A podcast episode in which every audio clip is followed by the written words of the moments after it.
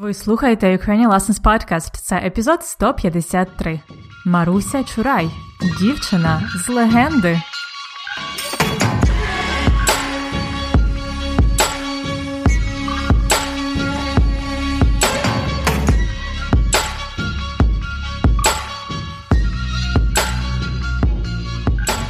Привіт! Це Анна, і ви слухаєте подкаст Уроки української. Подкаст для всіх, хто вивчає і любить українську мову. Це четвертий сезон, у якому я повністю розмовляю українською мовою, на відміну від попередніх трьох сезонів. Цікаво, як багато ви можете розуміти з того, що я кажу? Скільки відсотків? На мою думку, якщо принаймні 50%, це вже чудово. Я сама люблю слухати подкасти з інших мов, і саме ті, у яких ведучий говорить повільно, але повністю мовою, яку я вивчаю. Так, я слухаю один подкаст французькою і один польською. А, і також я слухаю новини повільною французькою мовою. Мені дуже подобається такий формат. Майже кожного ранку я ходжу на прогулянку і слухаю новини. Цей подкаст всього 10 е, хвилин. Я майже не читаю новини, не дивлюся відео новини, це занадто багато стресу. А так можу бути в курсі новин і покращувати свою французьку. Цікаво, ви б хотіли слухати новини українською мовою? Можливо, у наступному сезоні? Я ще не знаю, який буде формат п'ятого сезону, але якщо у вас є для мене ідеї для п'ятого сезону, буду рада їх почути. Пишіть мені на пошту, а також надсилайте голосові повідомлення. Моя електронна адреса anna собачка ukrainianlessons.com anna at ukrainianlessons.com А сьогодні на подкасті я хочу вам розповісти про ще одну відому легендарну українку. Її звати Маруся Чурай. Вона, можливо, жила у 17 столітті. Це були часи козаків, часи Богдана Хмельницького і національно-визвольної війни, тобто війни козаків з поляками. Марусю Чурай ми називаємо дівчиною з легенди, тому що точно невідомо, чи вона існувала, а якщо і існувала, то чи справді з нею сталися всі ті легендарні історії, про які ми часто в Україні читаємо в книжках? То що це за легенди? Що це за історії? Зараз вам все розкажу.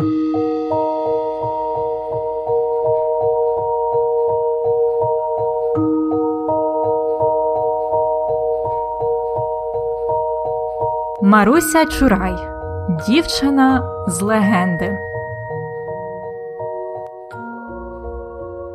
У 1625 році у сім'ї Гордія та Горпини Чурай народилася дівчинка Маруся. Її батько Гордій брав участь у козацьких антипольських повстаннях. І під час одного з них, коли Марусі було приблизно 12 років, він був страчений у Варшаві.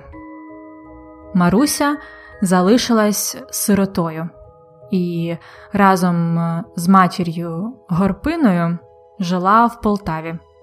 Вона була єдиною дитиною в мами. Маруся виросла красунею і рано проявила свій музикальний талант. Вона дуже гарно співала і до того ж імпровізувала, тобто сама складала слова і музику для своїх пісень. У Марусі був чудовий голос, а ще в неї був дуже добрий і лагідний характер. Її любили мало не всі люди в Полтаві. Але, на жаль, у Марусі не склалося особисте життя. Її полюбив козак Іван Іскра, але Маруся не відповідала взаємністю. Натомість Маруся покохала свого друга дитинства Грицька Бобренка. Грицько або Гриць також був козаком. На превеликий жаль, це кохання також закінчилось трагічно. Мати Гриця не любила Марусю і хотіла, щоб е, її син Гриць одружився з іншою дівчиною, з Галею, тому що та дівчина була з багатої сім'ї. А Грицько був е, таким, можна сказати, слабохарактерним, тобто в нього був слабкий характер. І тому, врешті-решт, він підкорився матері і вирішив одружитися з Галею. Хоча раніше він також кохав Марусю. Після цього життя Марусі стало нестерпним, їй було дуже важко жити. Її життя було нестерпне, важке. Вона любила Гриця більше за все на світі і не знайшла в собі сили пережити його зраду.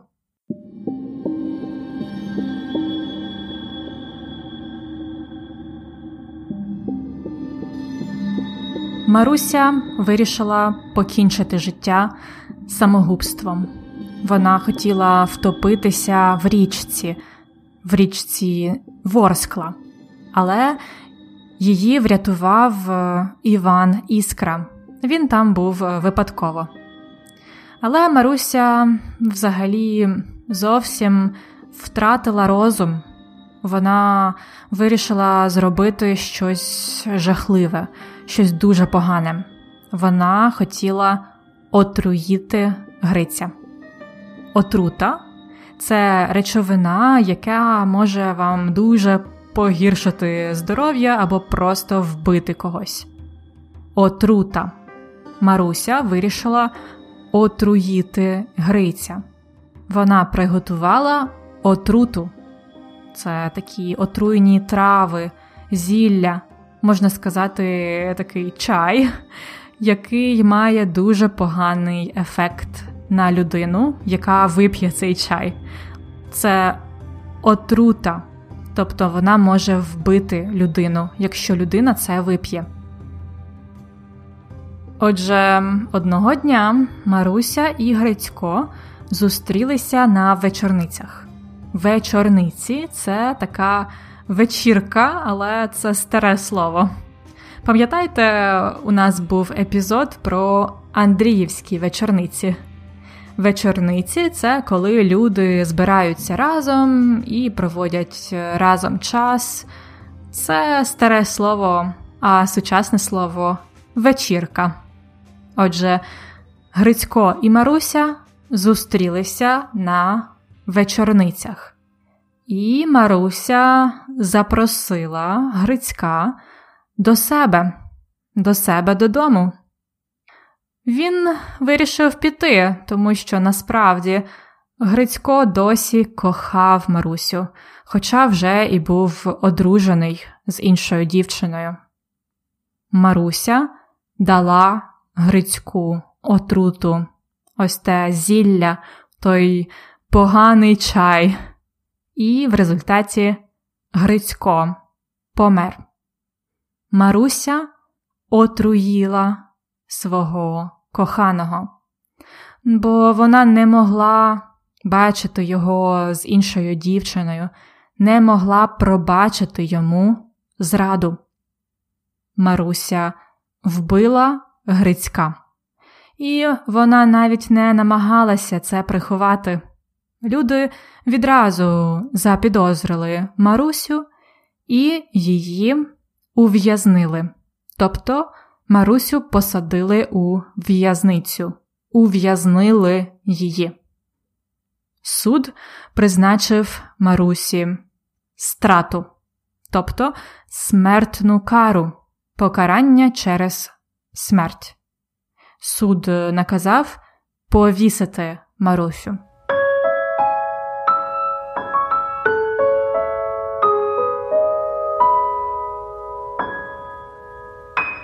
Вже коли люди всі зібрались, щоб подивитися на те, як будуть страчувати Марусю, як її будуть вішати, несподівано на коні приїхав козак Іван Іскра.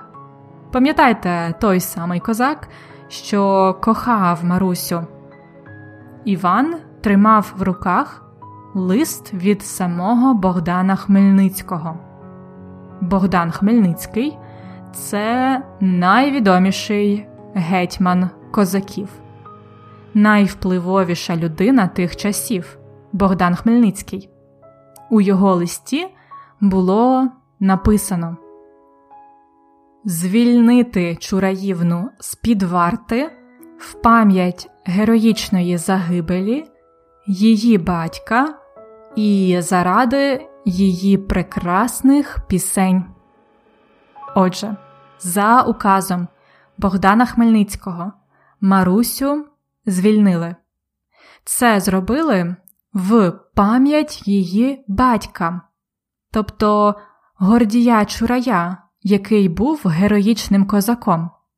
А також інша причина це те, що пісні Марусі Чурай були дуже популярними.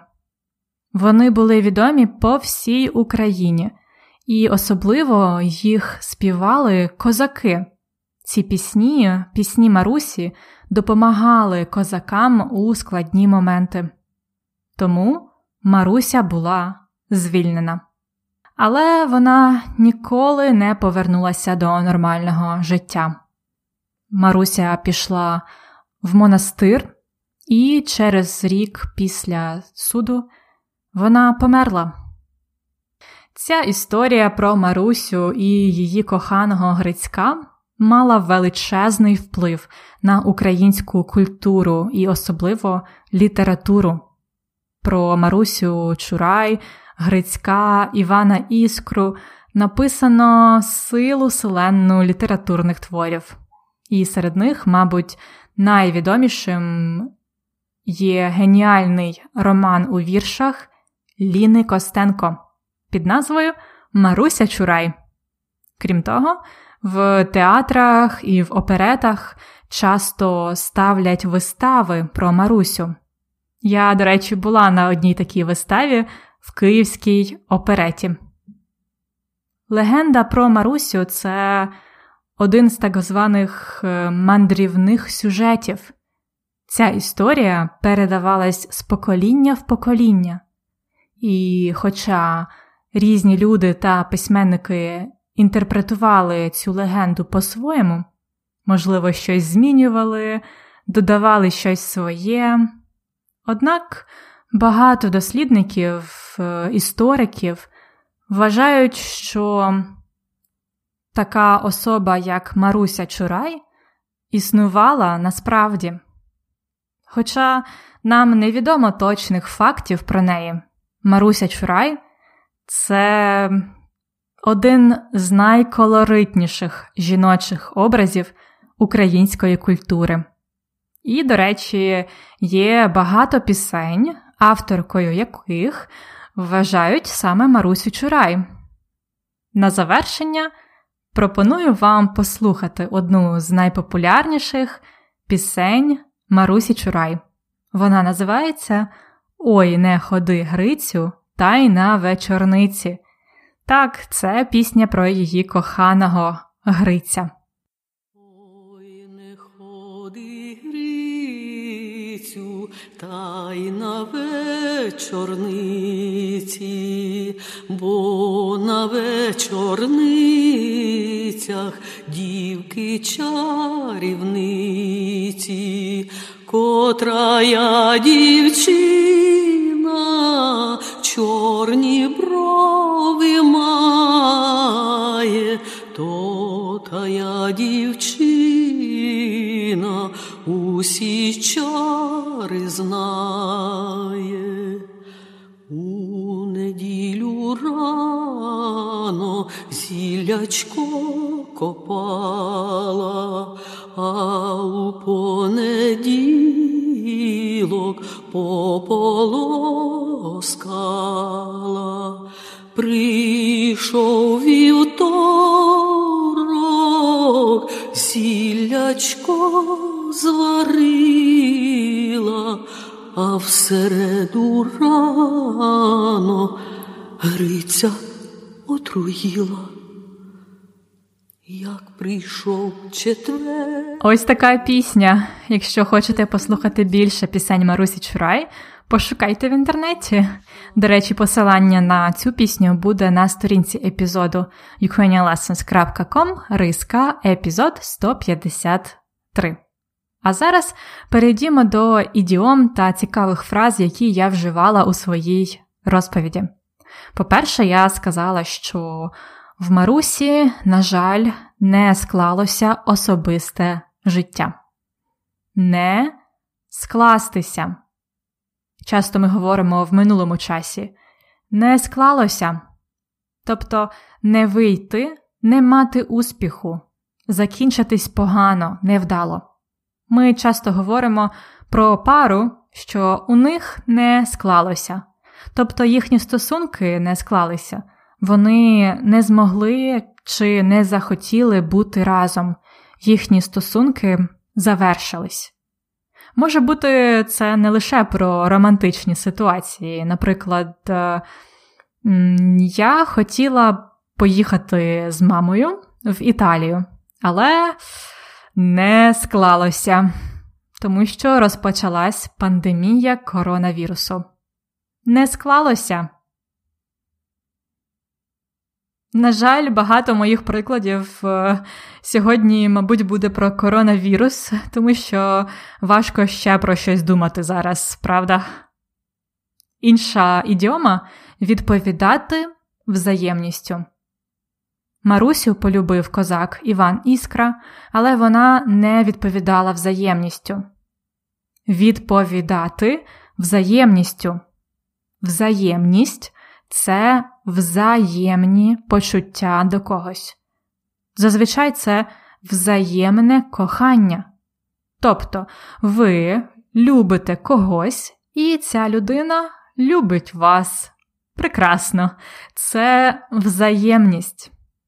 Відповідати взаємністю це відчувати такі самі почуття, як і інша людина.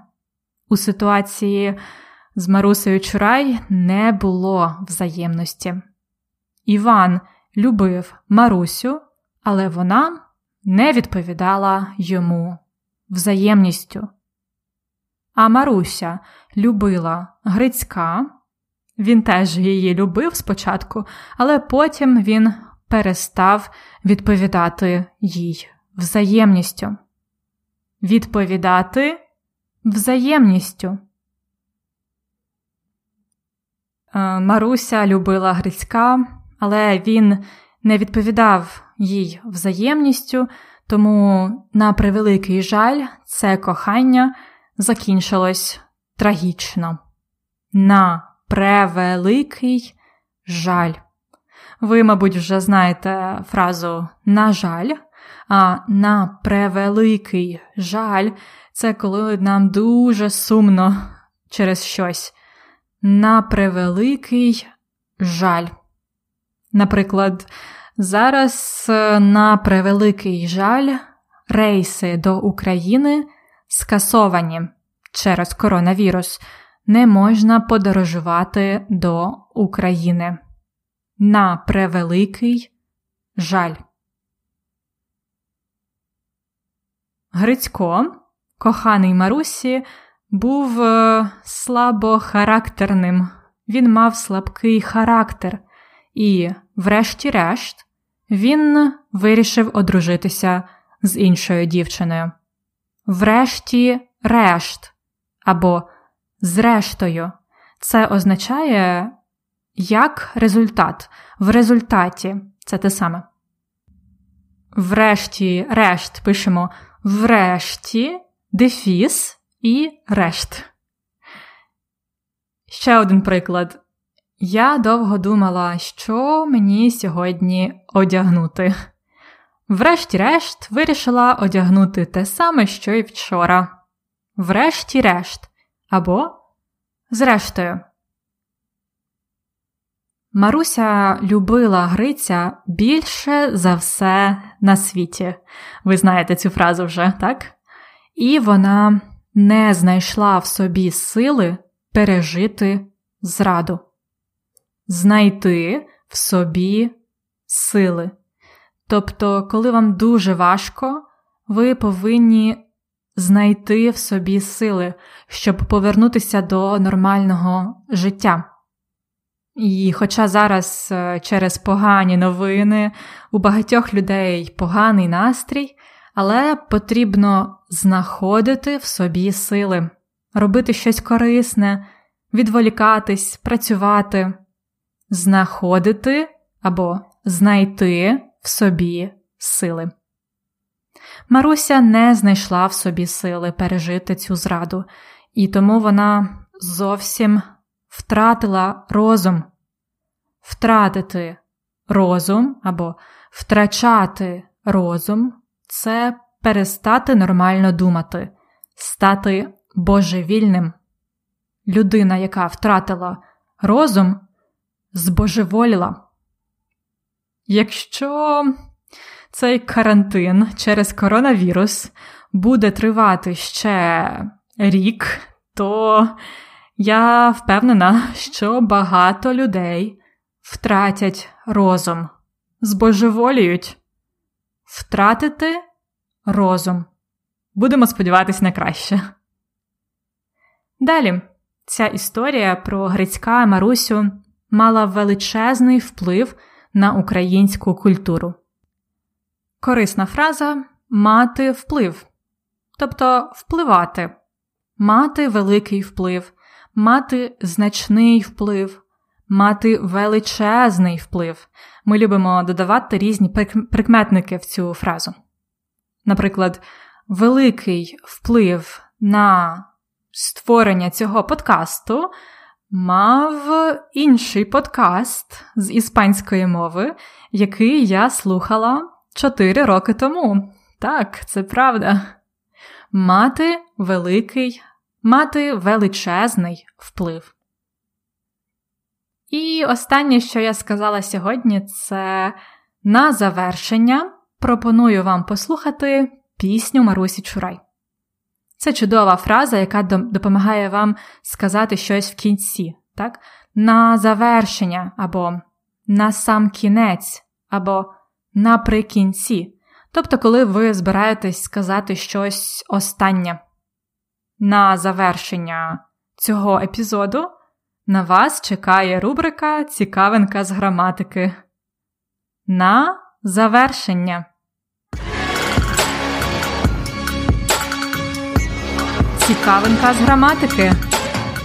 Послухайте ці два речення. Батько Марусі Чурай був страчений у Варшаві. Богдан Хмельницький надіслав лист в Полтаву, і Маруся була звільнена. Батько був страчений. Маруся була звільнена. Що це за конструкції? А це один з небагатьох випадків, коли в українській мові ми вживаємо пасивний стан. Ми вживаємо для цього дієслово бути і дієприкметник, а саме пасивний дієприкметник. Пасивні дієприкметники досить легко утворити. Вони мають суфікс н, н або т. Наприклад, звільнити звільнена, прочитати прочитаний, стратити страчений, розбити розбитий. Насправді, ми досить рідко вживаємо пасивний стан, але часто використовуємо його тоді, коли говоримо щось про людей, яким щось зробили. Так, Можливі також варіанти трошки по-іншому сказати це речення. Ось, наприклад, батько Марусі був страчений. Можна також сказати, батька Марусі було страчено, або батька Марусі стратили. Зверніть увагу, що в останніх варіантах ми вживаємо не батько, а батька. Інший приклад. Грицько Бобренко був вбитий. Можна також сказати, Грицька Бобренка було вбито. Ось така невеличка цікавинка, а повну інформацію в таблиці і вправи для практики, як завжди, шукайте в конспекті уроку. І на сьогодні все. Наступного разу на вас чекає новий персонаж чи нова героїня з української історії. Сподіваюсь, вам подобається відкривати для себе легендарних українців. Якщо цей подкаст допомагає вам, буду дуже вдячна за ваш відгук на сайті або у програмі для подкастів. Поставте нам 5 зірочок і напишіть щось приємне, добре? Як завжди, нагадаю, що повний текст епізоду, таблиці і вправи доступні для тих, хто оформив преміум підписку. Більше про це ви можете дізнатися на сторінці епізоду ukrainianlessons.com риска епізод 153.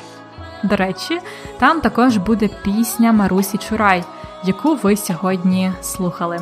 ukrainianlessons.com slash episode 153. Бажаю вам міцного здоров'я і натхнення. До побачення! На все добре!